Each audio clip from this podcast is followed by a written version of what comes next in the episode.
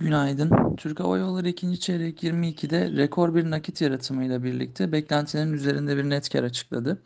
Türk Hava Yolları ikinci çeyrek 22'de beklentimiz olan 474 milyon dolar ve konsensus beklentisi olan 435 milyon doların oldukça üzerinde 576 milyon dolar net kar açıkladı. Ee, şirketin Net borcuna baktığımız zaman ikinci çeyrek 22'de Türk Hava Yolları'nın net borcu çeyreklik bazda %18 azalarak 8.9 milyar dolar oldu. İkinci çeyrek 22'de filoya 9 yeni uçak girmesine rağmen THY'nin güçlü fabrik yaratımı ve işletme sermayesinin çeyreklik bazda 1.4 milyar dolar azalmasıyla birlikte net borç çeyreklik bazda %18 daralmıştır.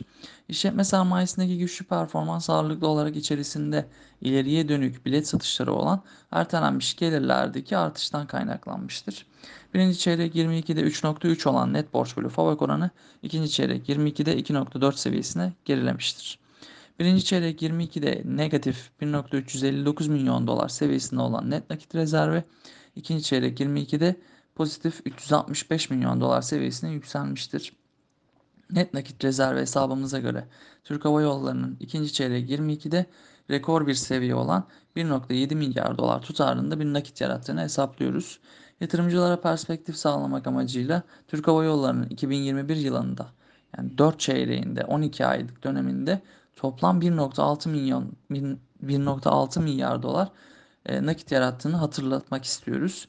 Türk Hava Yolları 4. çeyrek 18'de negatif net nakit rezervi pozisyonuna dönmüştü. Türk Hava Yolları 1. çeyrek 21'e kadar nakit yakmıştı. 1. çeyrek 21'de nakit yaratmaya başlayan Türk Hava Yolları 2. çeyrek 22 itibariyle pozitif net nakit rezervi konumuna yükselmiştir. Ee, sonuçlarla birlikte ve makro varsayımlarımızdaki revizyonlarla beraber TY için tahminlerimizi güncelledik. Hedef fiyatımızı 91.5 TL'den 120 TL seviyesine yükseltiyoruz. THY için endeksin üzerinde getiri tavsiyemizi koruyoruz. İkinci çeyrek 22 sonuçlarının hisse fiyatı üzerindeki etkisinin olumlu olacağını düşünüyoruz.